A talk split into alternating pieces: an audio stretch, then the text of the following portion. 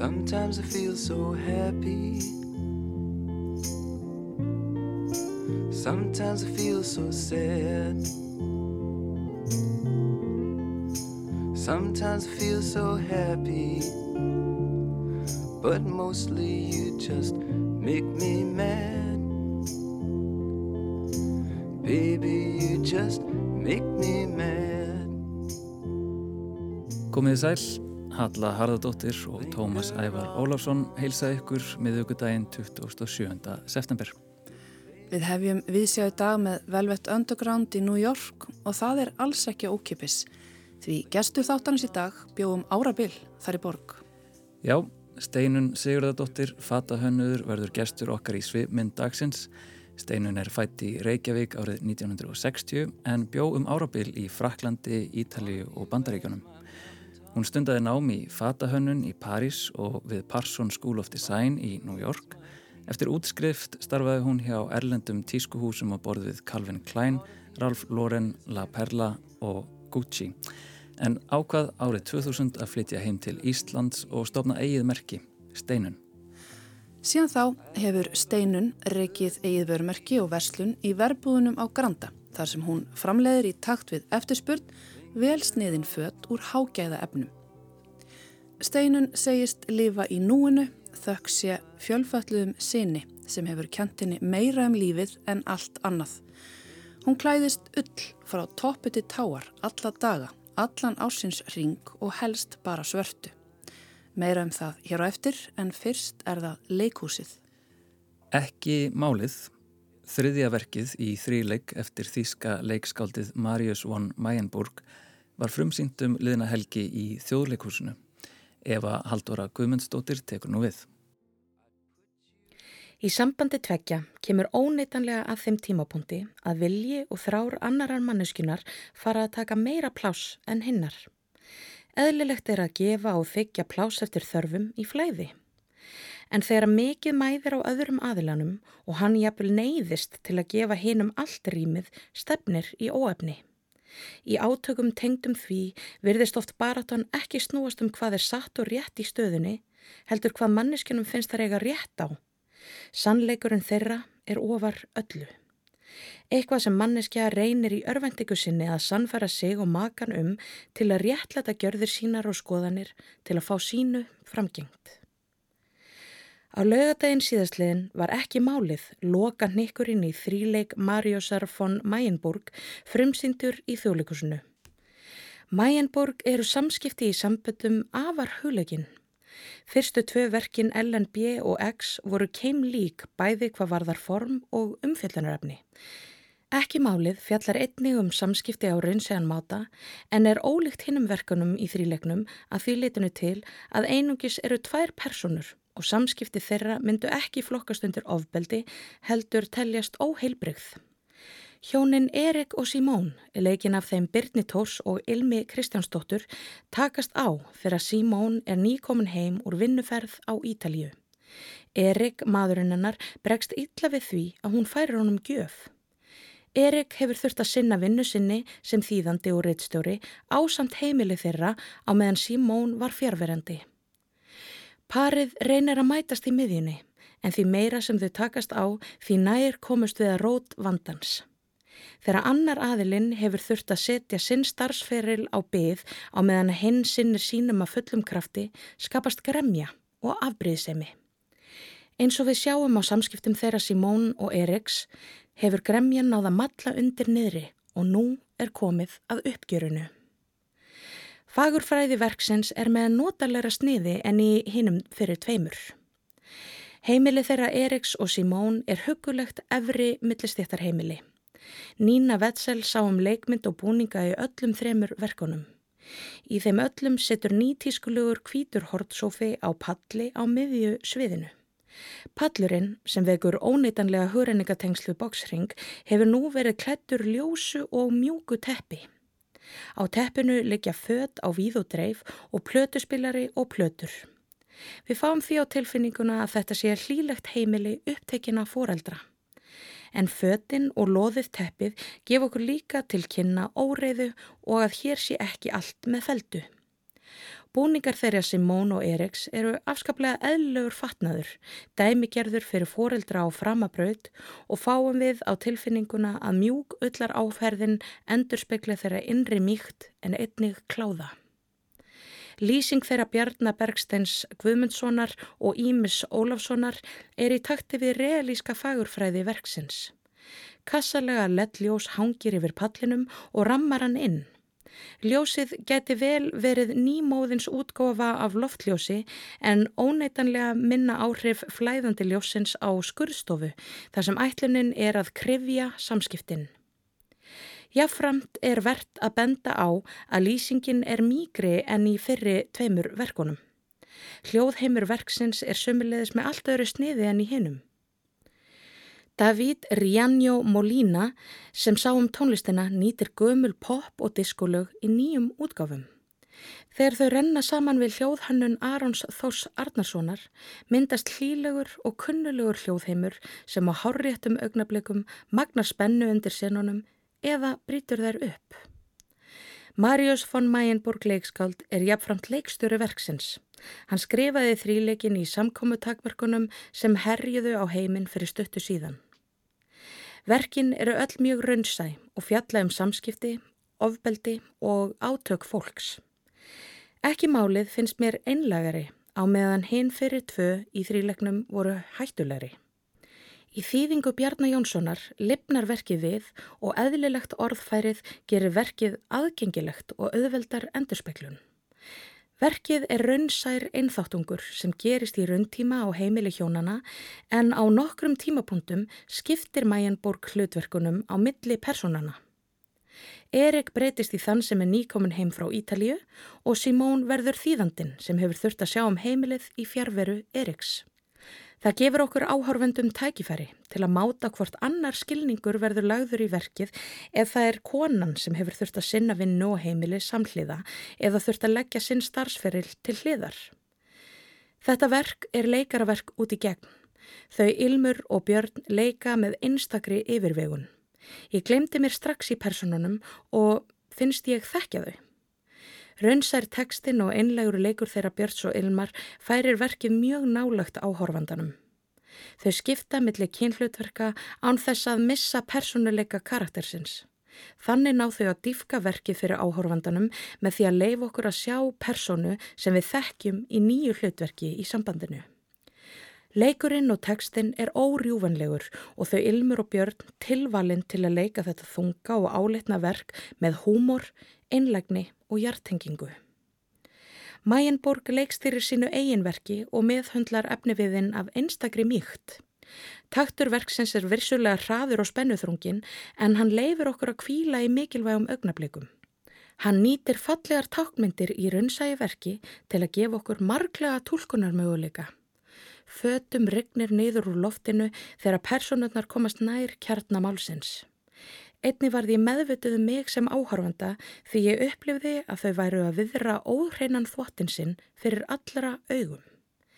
Einni nýtir hann snúningsviðið til að tákna þann innri kvirvirbil sem geysar hjá personunum á ákveðnum hápuntum í rifrildinum. Þó svo að Mæjenburg hafi ekki skrifað þriðju personuna í verkið mætti segja að kapitalismin fylli það hlutverk. Við þurfum öll að gera allt og eiga allt. Hjá okkur skapast óraunveruleg þörf sem þrýstir okkur út í lífskeiða kapplaup sem kemur svo fram í valdabaratu inni á heimilinu.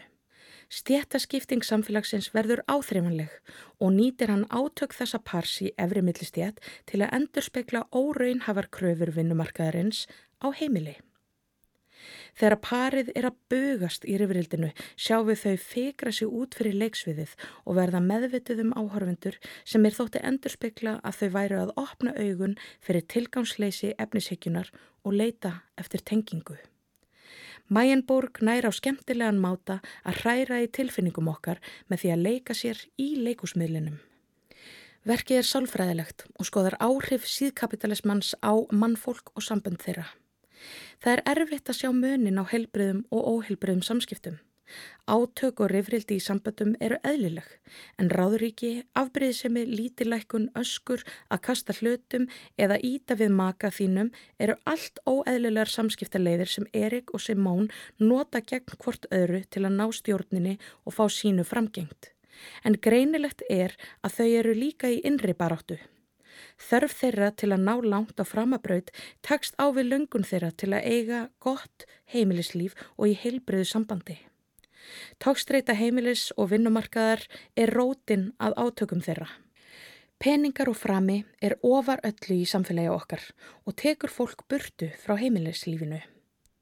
Þau reyna að tikka í bóksinn fyrir fjölskyldilífið en eitthvað verður að gefa eftir.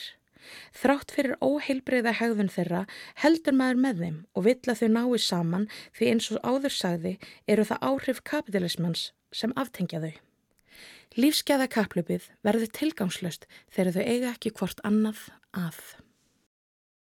Eva Haldura Guðmundsdóttir um ekki málið, þriðjaverkið í þríleik eftir þýska leikskaldið Marius von Mayenburg sem sínd er um þessu myndir í þjóðleikúsunu. En þá er komið að svipmynd vikunar, að þessu sinni er það steinun Sigurðardóttir Fatahönnur sem segir okkur frá lífinu og listinni og hún setur fyrsta lag á fónin.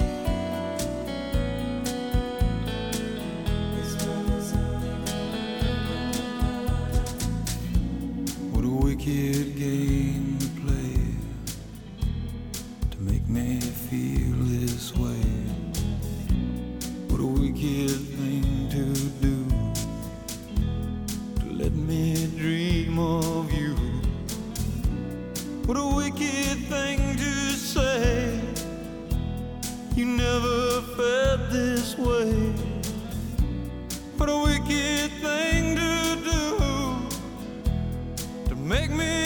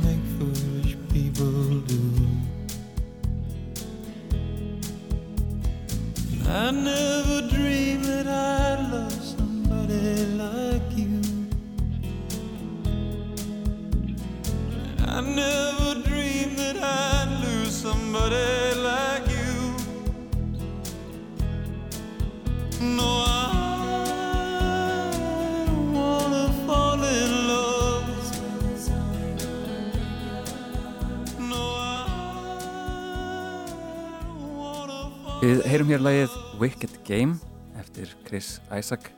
Það er hún Steinun Sigurðardóttir Fatahönnur sem valdi þetta lag fyrir þáttinn og mér nokkar að byrja að spyrja þig Steinun, hvers vegna þetta lag? Þetta lag hefur í sjálfum sér eh, mikla þýðingu fyrir mig. Ég heyrði það fyrst í New York 1989-90 og um, sá sem uh, uh, var á bakvið kamerun eða myndavélina uh, hétt Hörbreyts og er með frægari tísku ljósmyndurum. Og um, í vídjónu leikur uh, sem sagt mótel, mjög frækt mótel sem er Helena Kristjánsen og er dönsk. Og þetta var svona fyrsta samsetning á þar sem tónlistar yðnaðurinn kom saman við tískuheimin og uh, fyrir mig á þessum tíma var þetta náttúrulega saði þetta lag svo mikið af því að þá færði maður tískuheimin sinn aðeins út fyrir ramman og uh, nafnið á læginni Wicked Game það svona uh, segir til um ansi margt sem gekk á í þessum tískuheimi. Eins og þau geti rétt ímyndaðir þarna voru stórir og miklu karakterar að að láta ljósitt skína og, allir sem unnu þar undir og þannig maður kynnti svona heimi sem kannski er ekki venjulegur í dag. Mm -hmm. og þar lærði ég um, einmitt í New York, ég lærði svo mikið. Ekki bara um hvað tíska snýst, heldur hvað er tíska og gæði um hvað, uh, hvernig þú átt að fara að þessu. Ég fekk svolítið frjálsar hendur sem að gera það verkum að ég gæti farið inn í hvaða versmiði sem var og búið til flíkur sem mér hafði aldrei dreymt, dreymt um að ég geti búið til. Hvort sem það var í Peru eða Tókíó eða eitthvað þar annars þar þú bara fórst þánga það sem gæðin voru og heimurinn var allt í einu ofbáslega lítill af því að vesmiðuna voru út um allan heim. E, þú kynist fólki sem flestir þekk í dag. Þetta var bara svona lítill heimur af, af fimm hönnuðum sem voru að, að vesenast í einu stúdiói með stort nafn og við þurftum að vera innan þessar ramma og ég hafði svo mikið áhuga á að ég fekk að gera svo mikið með prjónið. Þannig að ég náttúrulega fyrir mér var þetta ævintýri líkast. En á sama tíma var náttúrulega var þetta ekki kannski normal heimur? Og þarna voru mótel sem allir þekk í dag. Þarna voru karaktari sem voru að klæða sér þessi född sem flestir þekk í dag og eða nöfnin. En það var líka New York New York á þessum tíma var ótrúleg. Að fá að horfa á Nirvana live unplugged á MTV var náttúrulega bara, ég fæ ennþá gæsa húð. Að hlusta á uh, Purple Rain með Prince fyrst þegar það kom út eða fara í og gæðveikar síningar sem fólk talar ennþá um og söpnin. Þarna voru allir helstu diskotek heimsins, hvort sem það var Eria eða Pyramid eða þetta var náttúrulega að maður bara maður tókit allt inn og New York var svo levandi þarna var Studio 54 enn í gangi fyrst þegar ég kem. Og það á listin það var svo mikið, þú veitir allum laugatöfum ég fara á galleri eða listasöfn. Ég hafði aldrei kynst tísku hönnuðum bandaríkjana Og þar fyrir mér, ég fekk að fara í Costume Institute í Met, Metropolitan og hverju miðgudegi í þrjú ár og skoða mig hvítum hönskum, fyrstu sjannildraktir eða tíordraktir eða þetta var eiginlega maður, maður svona, já, tó, ég tók svo mikið inn. Mm -hmm. Borgin sjálf hefur örgulega verið bara meiri skóli en kannski skólinn sjálfur? Miklu meiri. Mm -hmm. En þú segir að sko þarna hafur lært hvað tíska er. Hvaða hugmyndir hafður um tísku þegar þú komst til New York og þú ákveður að fara í fatahönnun og hvernig breytist þessar hugmyndir? Ég hafði náttúrulega, uh, að því á Íslandi er eða var engin tíska og, og skilgreiningin á tísku er þetta system sem býr hana til. Þetta er ekki bara orðið tíska er sem sagt, það er eiginlega bara konsept og afsakið ef ég sletti þegar ég kem að mínum eigin heimi. En uh, orðið sjálft uh, það er ekki alveg eins og við viljum hafa það, líka tíska í byggingar, í arkitektúr eða innanhúsarkitektúr eða í vöruhönnun. En tíska fyrir mér er sem sagt allt systemið. Hvar þú byrjar frá hverju þú sækir uh, sagt áhrifin hvað þú kant mikið, hvar sínuru hvar þetta framleiða uh, í hvaða blöð þú kemst, hvar sínuru, hver ég kom að sjá og svo krítikinn. Og tíska á Íslandi er í sjálfum sér ekki til en þann dag í dag því að þetta, þetta, þetta kerfi er ekki til. Það er engin blöð, það er engin krítiker, það er engin sem kemur og skoða mína línu í dag og hefur aldrei verið. Þannig að þetta læriru þarna. Svo læriru líka að það er til uniform. Uniform er bara bæði personlegt og það sem tilherir undir um, svona heilt lið eða fyrirtæki.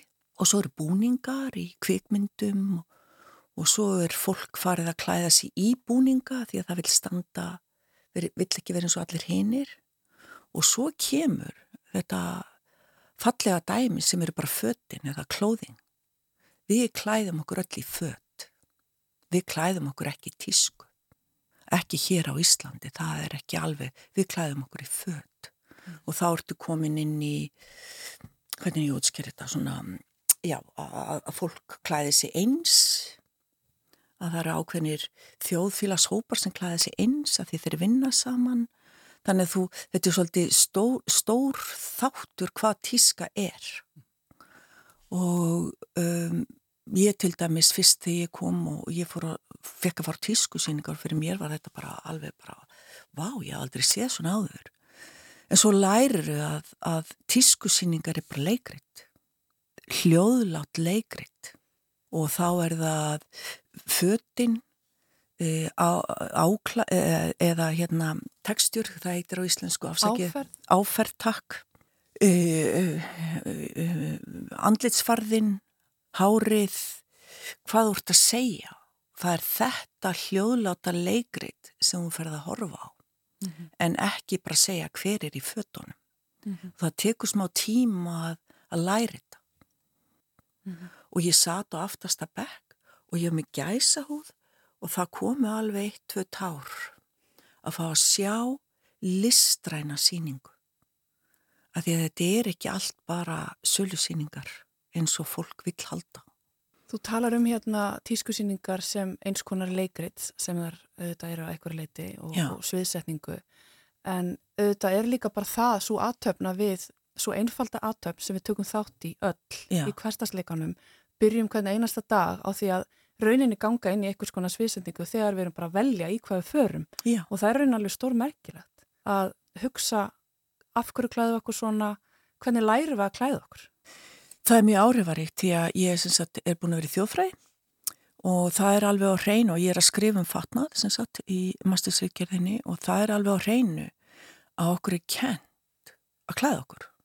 Það eru fóröldrar okkar sem kenn okkur og við lærum þessar líkamlegu reyfingar að klæða sér í sokkinn og fara í skálminna og fara í erminna og, og neppa neppunum og, og renn upp rennilásnum þetta er kent, okkur er kent þetta að fóreldra og ég tala um sem sagt að að því að ég er svo mikið að hugsa, ég er að tala um manni minna að gera eitthvað á mótnana þú veist að það er ekki ég sjálfið mitt sem er að klæða mig á mótnana. Heldur er það uh, tilfinningin sem ég geimi í vöðvonum sem klæði mig í sokkana og buksunar og peysuna og, og setja á mig trefilinn. Að því að ég er ekki að hugsa ég, það er unconscious movements sem er í gangi þannig. Mm. Bara ómeðvitaði vöðvaminnunu? Algjörlega, takk kærlega, afsakið, ég, já, ég sé að sletta, ég byrst innilegar afsakunar. En þetta er svona fyrir mér það sem klæðir okkur. Mm. valið þitt á fatnaðanum sem er í skápnum þegar þú opnar hann. Það fyrir mér er líka mjög merkilegt að því að það er svona umhverfi sem mótar þína, lit, þitt, þína liti, hvað þú vilt hafa í kringum þig, þínar áferðir. Að því að fötin er ekki bara það sem þú ferði í, þau eru bæði utan á líkamannum, þú ferði í þau og þá kemur tilfinningin, þannig að þau eru líka inn í þér. Og það er svo merkilegt að uppgöta það, já, mér líður vel í þessari flík. Og þegar þú velur, þá ert að velja það af einhverju praktikaliti myndi ég halda. Það sé eitthvað í gangi fyrir daginn, það er kannski snjókoma, þú ert að velja fyrirfram ákveði, að lífbúin að lusta á veðufréttinnar, ok, það er slapp í dag. Það ákveður svolítið hvað þú ert að fara í. En það sem mér finnst hins vegar merkilegast að því að núna sé ég ykkur bæði klætt og það er bara í góðu lægi og svo er þið í fötunum og ég líka. Svo fyrir við heim og við setjum þennan fatnað inn í fattaskapin okkar og lókun. Þar hangaðu líflaus inn í skapnum með einhvern líka maður og svo lína fyrir framann skápin, skápa hörðunar sem ég má ekki stíga yfir opna fataskapin og sjá þessi líflösu fött. Það er þetta personulega dæmi sem, og ég kalli þetta á ennsku því ég er að skrifa rittgerðin mín á ennsku, The Invisible Line of Privacy, sem myndast fyrir framann fataskapin og fólk gerir sér ekki alveg grein fyrir.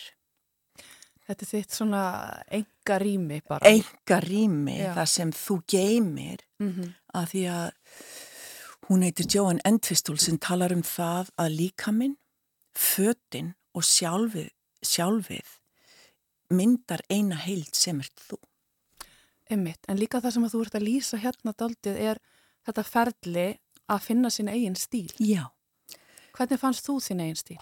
Að finna sín eigin stíl þú ert að pröfa ansimart og ég viðkenni að ég er búin að klæða mig, ég er búin að fara í síðu síðum kjól að degi til út eða í, í supermarket eða verið í hotpants eða mætti alls konar verið í korsilettu því þú getur ekki hanna korsilettu þú veist ekki hvernig hún er á líkamann þú getur ekki hannað sundföttin ef þú veist ekki hvernig það er að vera í því En, en hvar kemur uh, skrefið? Þú, þú ert að pröfa en hvenar einhvern veginn ferða að fá tilfinninguna fyrir að þú viljir nema fatahönnum? Uh, ég hef alltaf prjónað og saumaði á mig frá því ég bara mann eftir mér.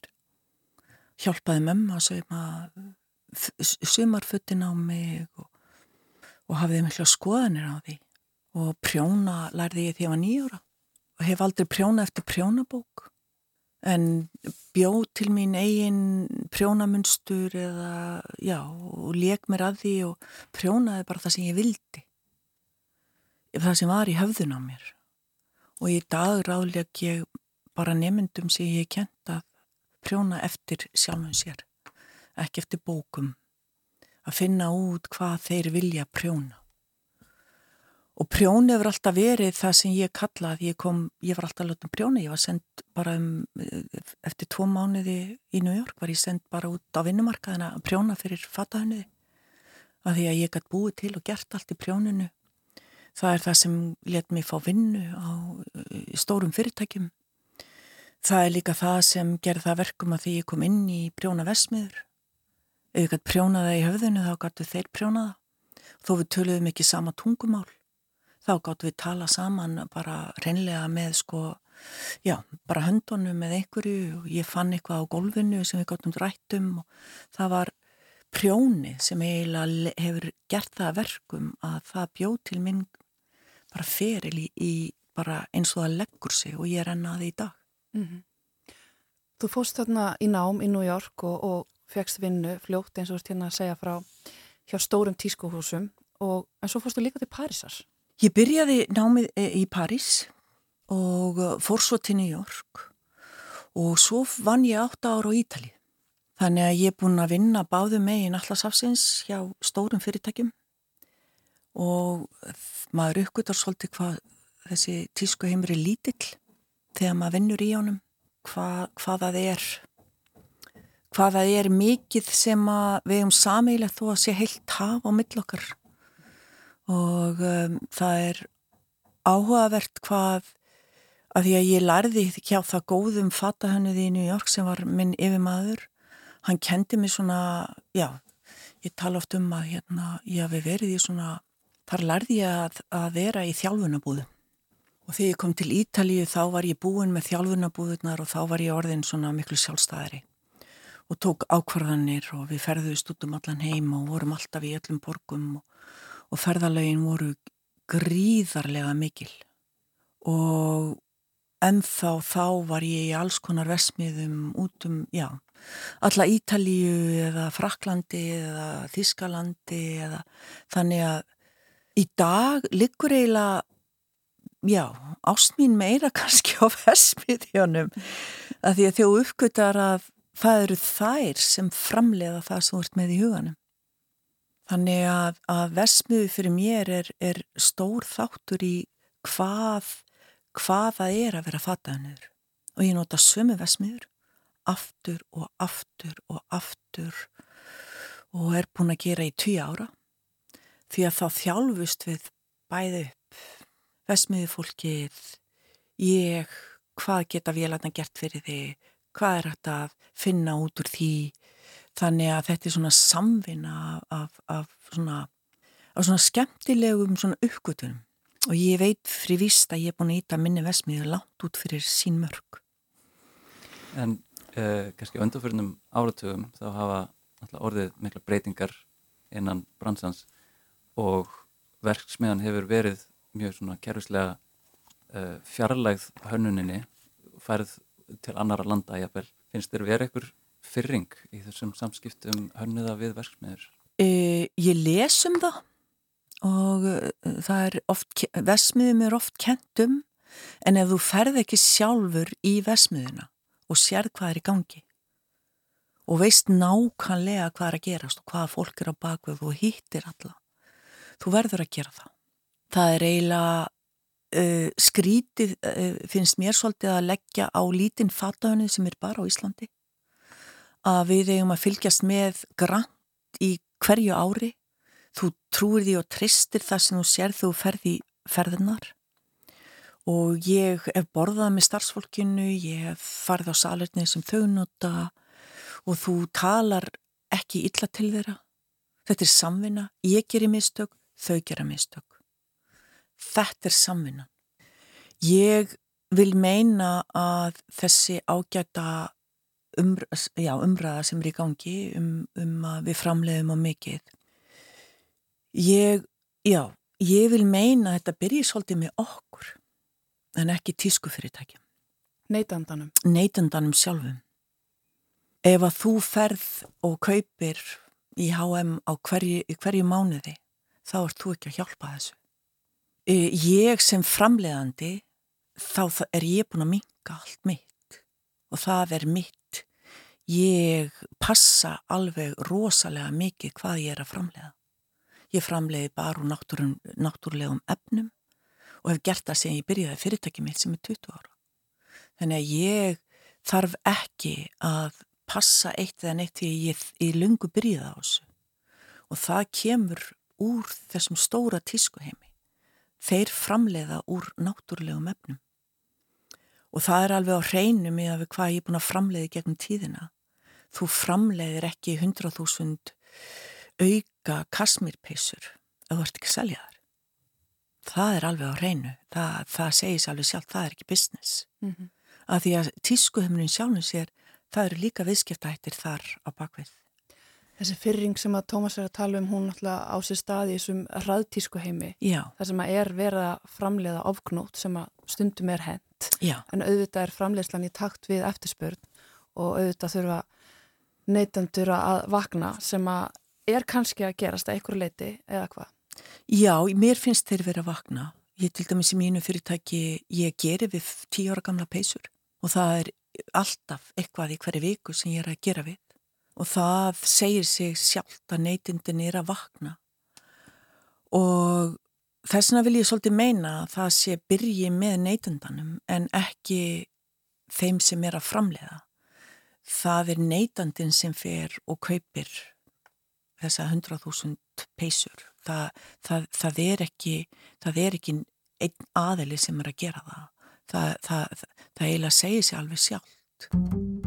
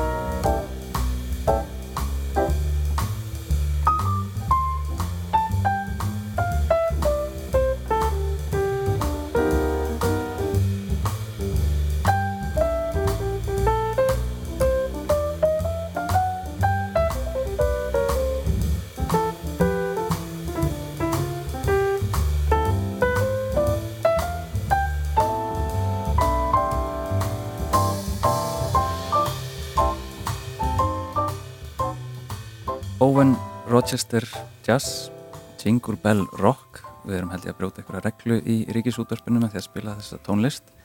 En Steinun Sigurðardóttir Fatahönnur, þú valdir læði fyrir þáttinn. Mætti ég spyrja hvers vegna?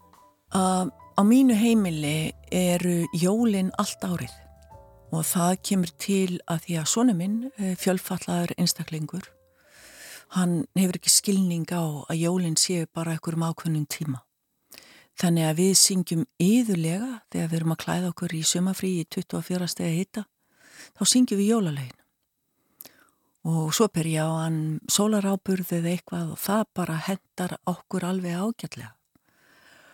Og hann er svona, já, leiðbynandi minn í lífinu, má ég eiginlega segja.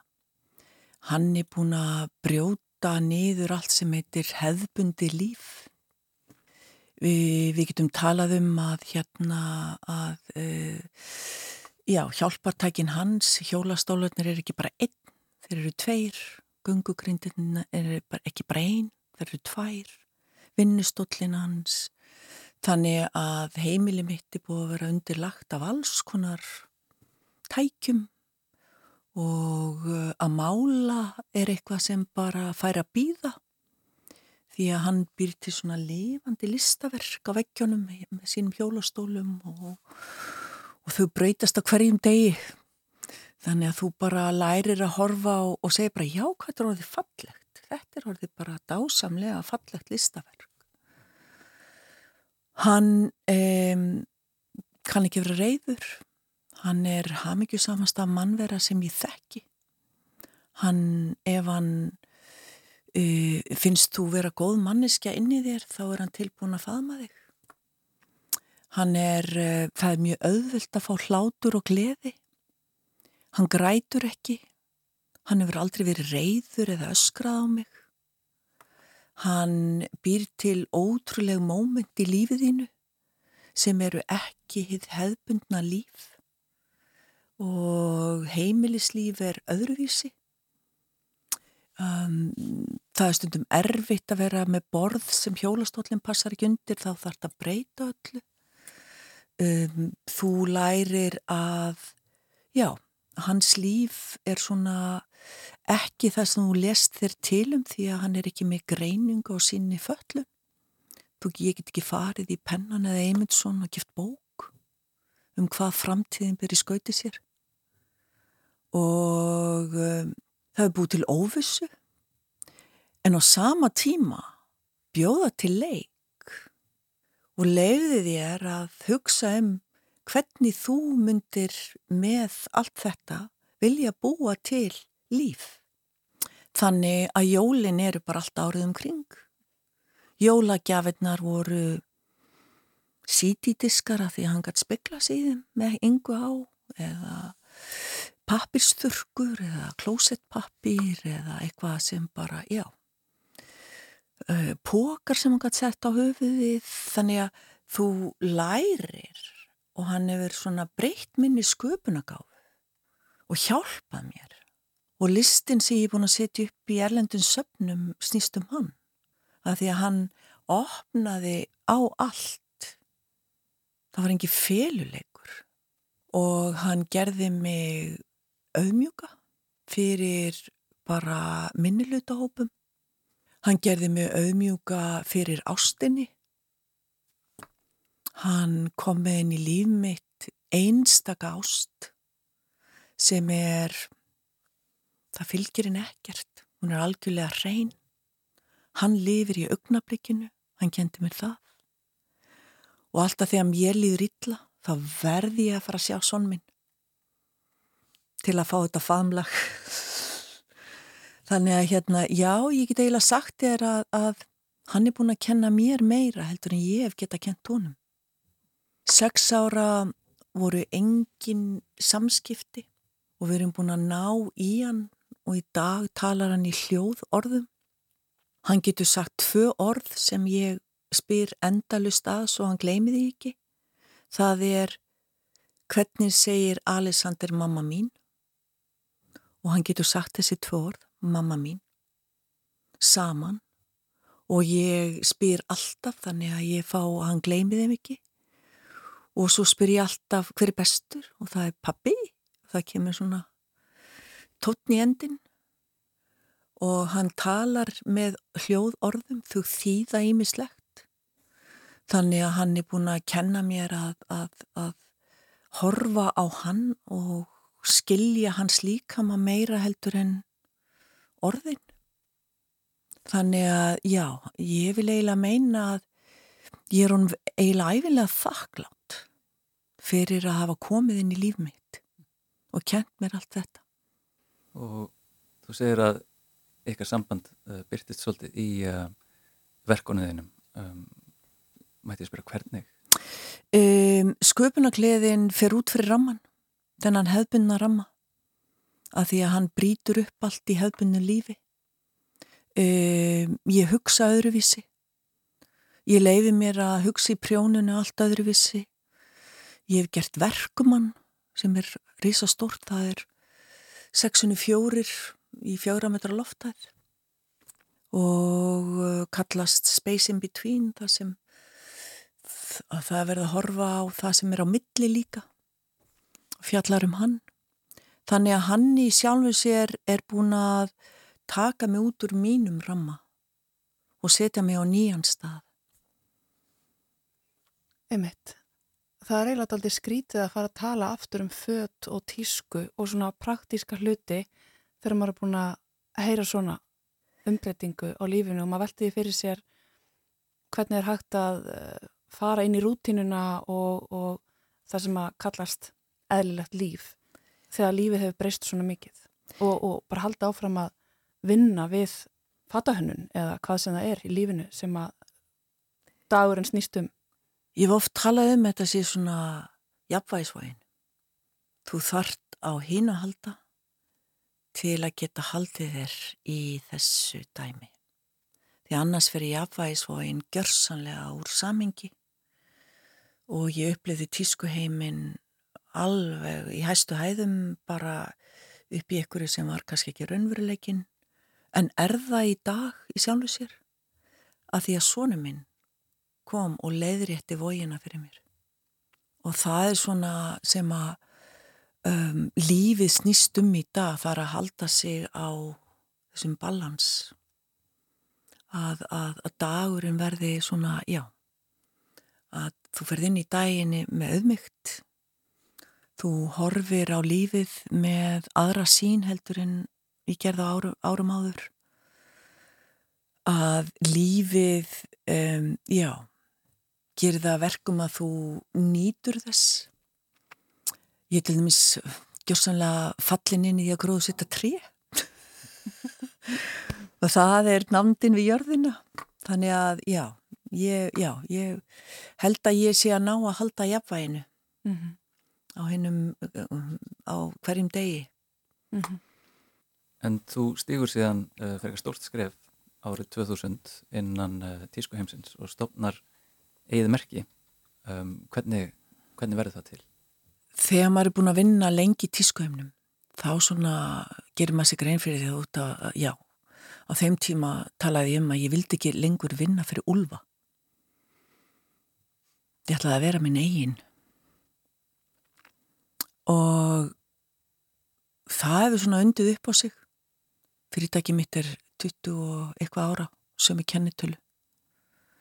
Og um, það var líka svolítið leiðin að kynna fyrir kannski Íslendingum prjónavörur. Það var ekki til á þeim tíma.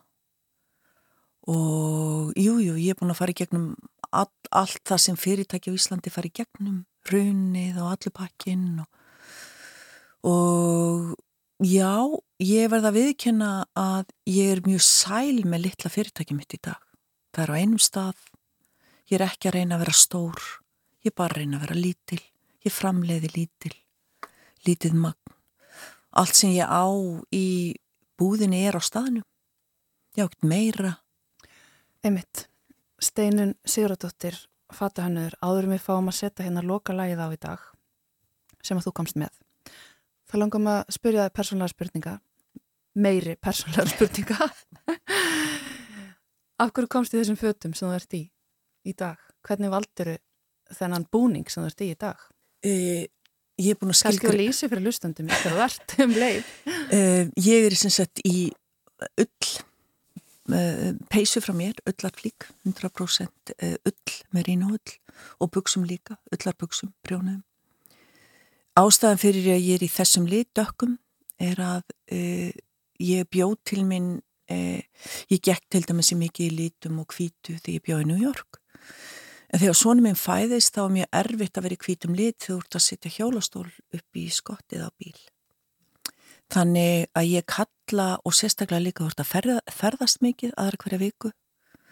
Þá byrjuðu til svona persónlegt uniform sem ég byrjiði að búa til árið 95 þegar svona minn fæðist að það kemur out of, e, eins og ég segi, out of practicality þetta, þetta persónlega uniform sem ég klæðist í. Það var auðvilt að dusta sörtu buksunum moldinni sem kom eða snjónu sem kom af hjólastóla hjólunum eða einhverju. Og svo festist ég í því og ég er búin að venja líkamann minn við það að vera engungu í ull. Og ef ég fer í jakka sem er uh, fóðraðið með póliester eða næloni þá byrja ég að sveitna en ég er í ull allt árið um kring. Og líka með minn þekkir það mér er hvorki kallni heitt. Og uh, svarti liturinn er bara svona ég festist í honum Ég hef verið sjálf að reyna að brjóta mig út úr hún og mér finnst alltaf merkilegt hvað mér gengur ítla með það. En ég gerir mig grein fyrir því að það er eitthvað sem ég þarf að brjóta mig út úr og, uh, og er byrjuð hægt og rólega að, að, að sjá mig gera það. En ég er eiginlega alltaf í svartri ullafrygg með þess að kápan mín er prjónuð úr ull, húan, trefill, allt sem ég er í sokkar. Ég meiri sé að núna í fyrsta skipti að búið þetta svona, svona hotpens búna til úr öll sem ég gæti verið í vettur mm -hmm. ég er í kjólunum með einhverju. Hljóma vel, Steinun uh, þá ætlum við að fá að setja á síðasta lægið sem að er vill svo til ætta frá New York, ekki satt? Perfect Day, Lou Reed. Af hverju, Lou Reed? Þetta lag kemur svona inn í því að það hefur stundu verið stór áföll með svona okkar og þá fer maður svona að hugsa um hvað er vennilegu dagur hjá vennilegu fólki. Það er ekki með svona mikið af, af, af, af dæmi sem þú þarfst að fara í gegnum. Þannig að lægi svona minni mig á það að þetta er mitt líf og lífi mitt með öllum áföllunum í kringum þetta það er bara perfect day Perfect day, steinun Sigurðardóttir, fatahönnur fullkominn dagur, það er hverstagurinn með öllum sínum sveplum upp og niður. Takk fyrir að vera með okkur í dag og deila með okkur hugmyndum þínum um lífið og listina. Já, við Tómas Ævar Ólafsson og Halla Harðardóttir þökkum fyrir samfélgina í dag. Verðið sæl.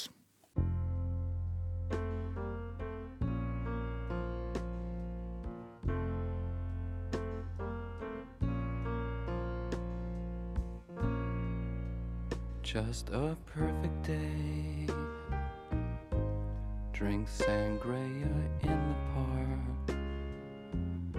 And then later, when it gets dark, we go home.